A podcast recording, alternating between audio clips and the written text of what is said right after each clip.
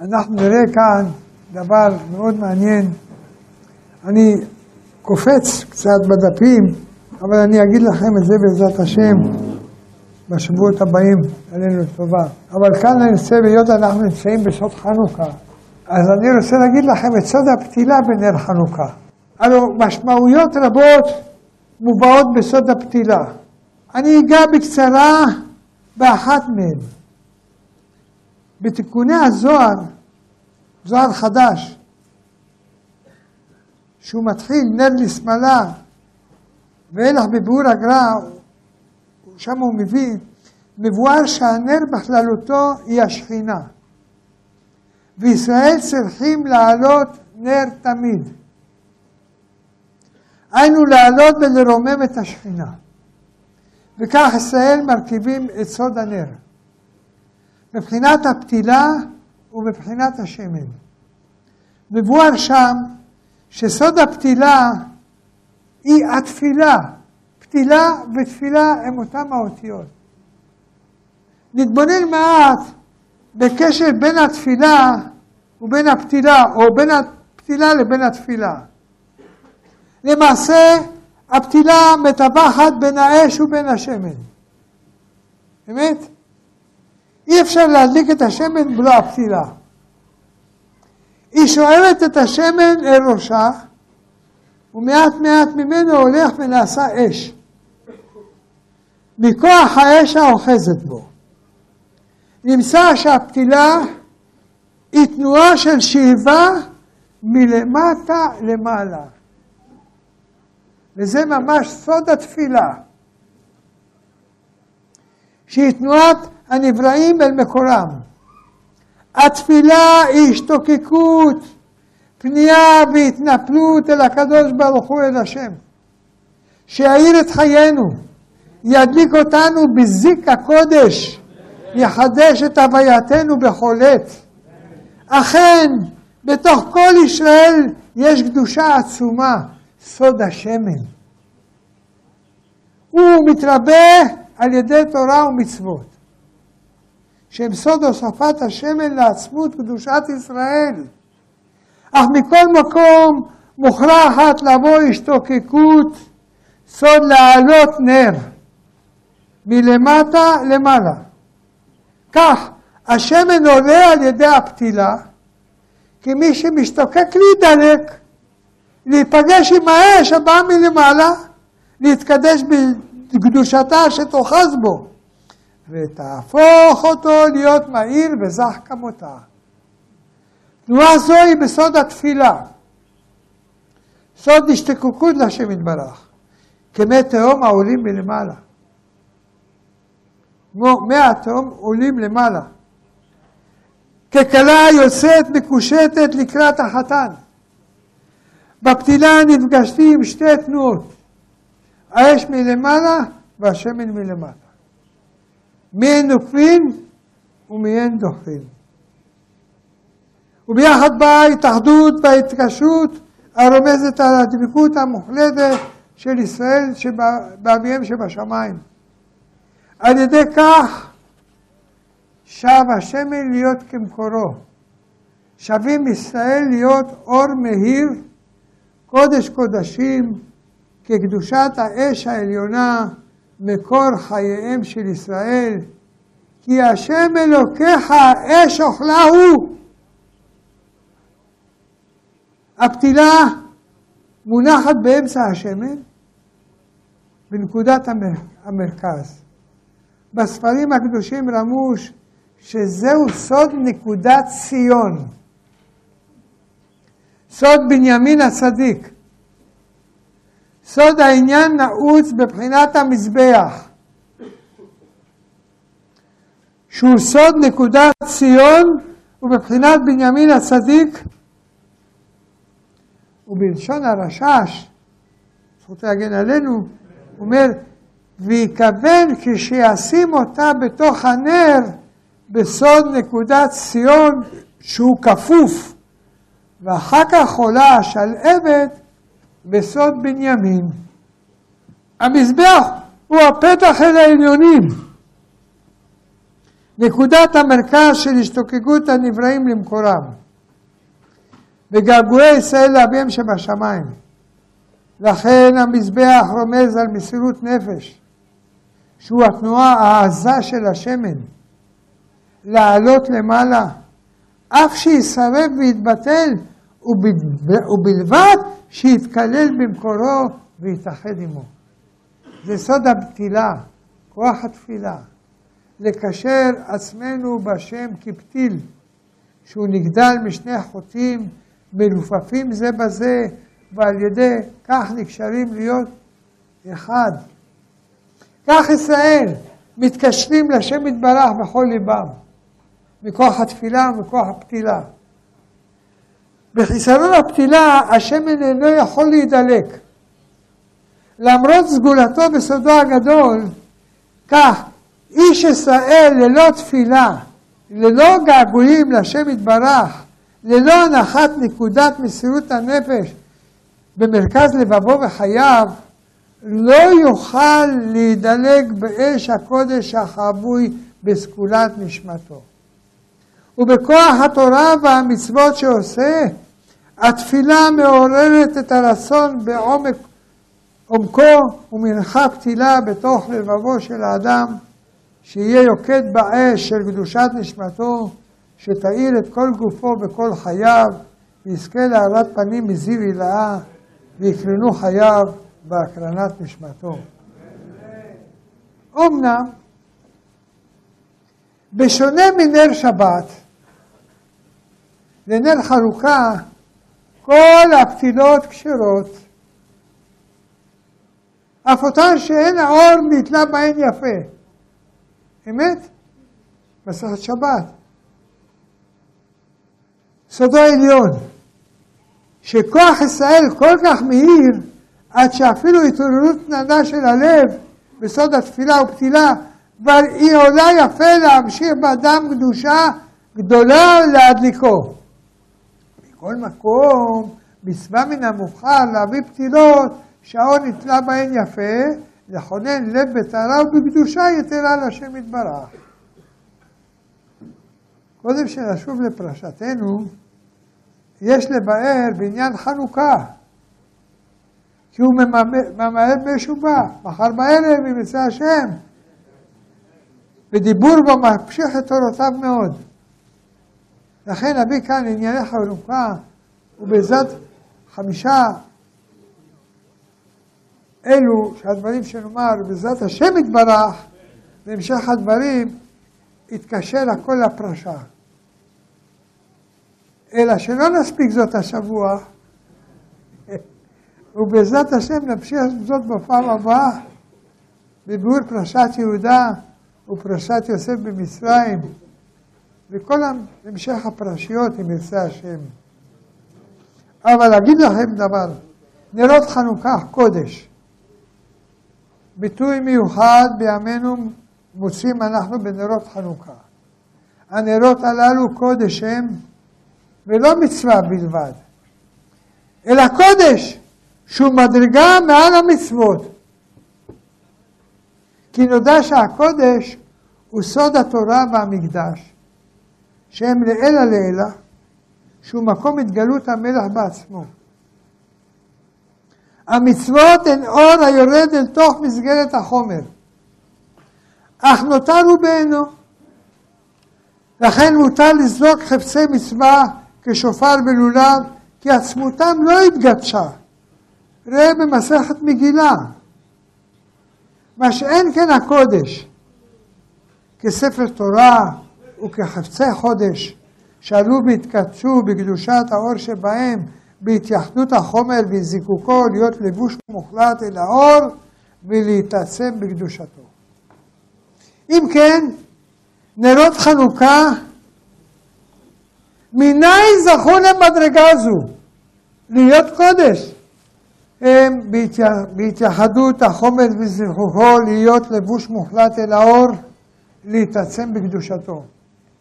אם כן, מניין זכו למדרגה עצומה זו להיות קודש? מה בינם לבין השופר והציצית והלולב, הסוכה והמצה, נכון? מדוע הקודש הם ומה הסוד אשר בהם. הנה באמת זה סוד פשוט וברור. החנוכיה בעצמה היא המפתח להבין את סוד הקודש. כי למעשה כל מהות החנוכיה היא דוגמת המנורה שבמקדש.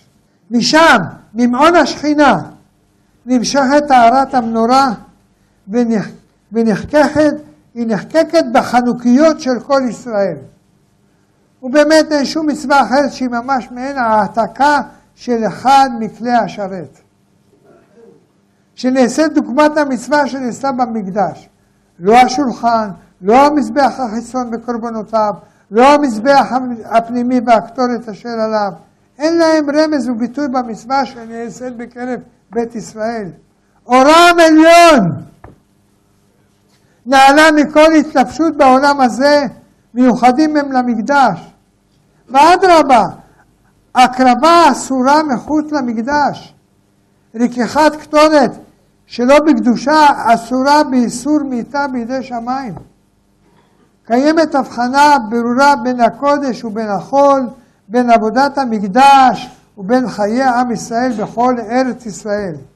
הנה המנורה הטהורה היא הכלי המזוכח ביותר, למעלה מקורבנות ודם, אף למעלה מריח בסמים, הוא איננו אלא אור, אור רוחני וזך, הנראה לעין, היא החנוכיה בעוז רוממותה, בוקעת מן החלונות, מציסה מן החרקים, נמשכת אל כל ישראל, אפילו בגלות המרה, אפילו במחשכי סיביר, במרתפי האינקוויזיציה, אלומת אור מהמקדש המקודש, כלי שרת ממקום קדוש, יוצא אל ישראל בשלמות תורו, במדרגה של קודש, מתייחד לקדש את ישראל, לקשרם אל מקום המקדש. זה הפלא של מצוות בהדלקת נרות החנוכה. זה מהו צור ישועתי, כי המלך בעצמו, מקום מגוריו, שלמות תורו, בא לשכון אצלנו בקרבנו, ומכוחו אנחנו מתרוממים מעל כל המשברים, מעל כל הרי החושך, ומקרבים בפועל את אור המקדש, את אור הגאולה, את יום הישועה. לכן חנוכה, א' היותו חג מתנק, מתקנת חכמים, יש בו עצמות אור שהוא מכל החגים כולם, אפילו מעל חגי התורה. אין בשום חג מצווה כל כך עניונה הנעשית בראייה בלבד. הסוכה מקום, גמורים, מקום מגורים לגוף האדם.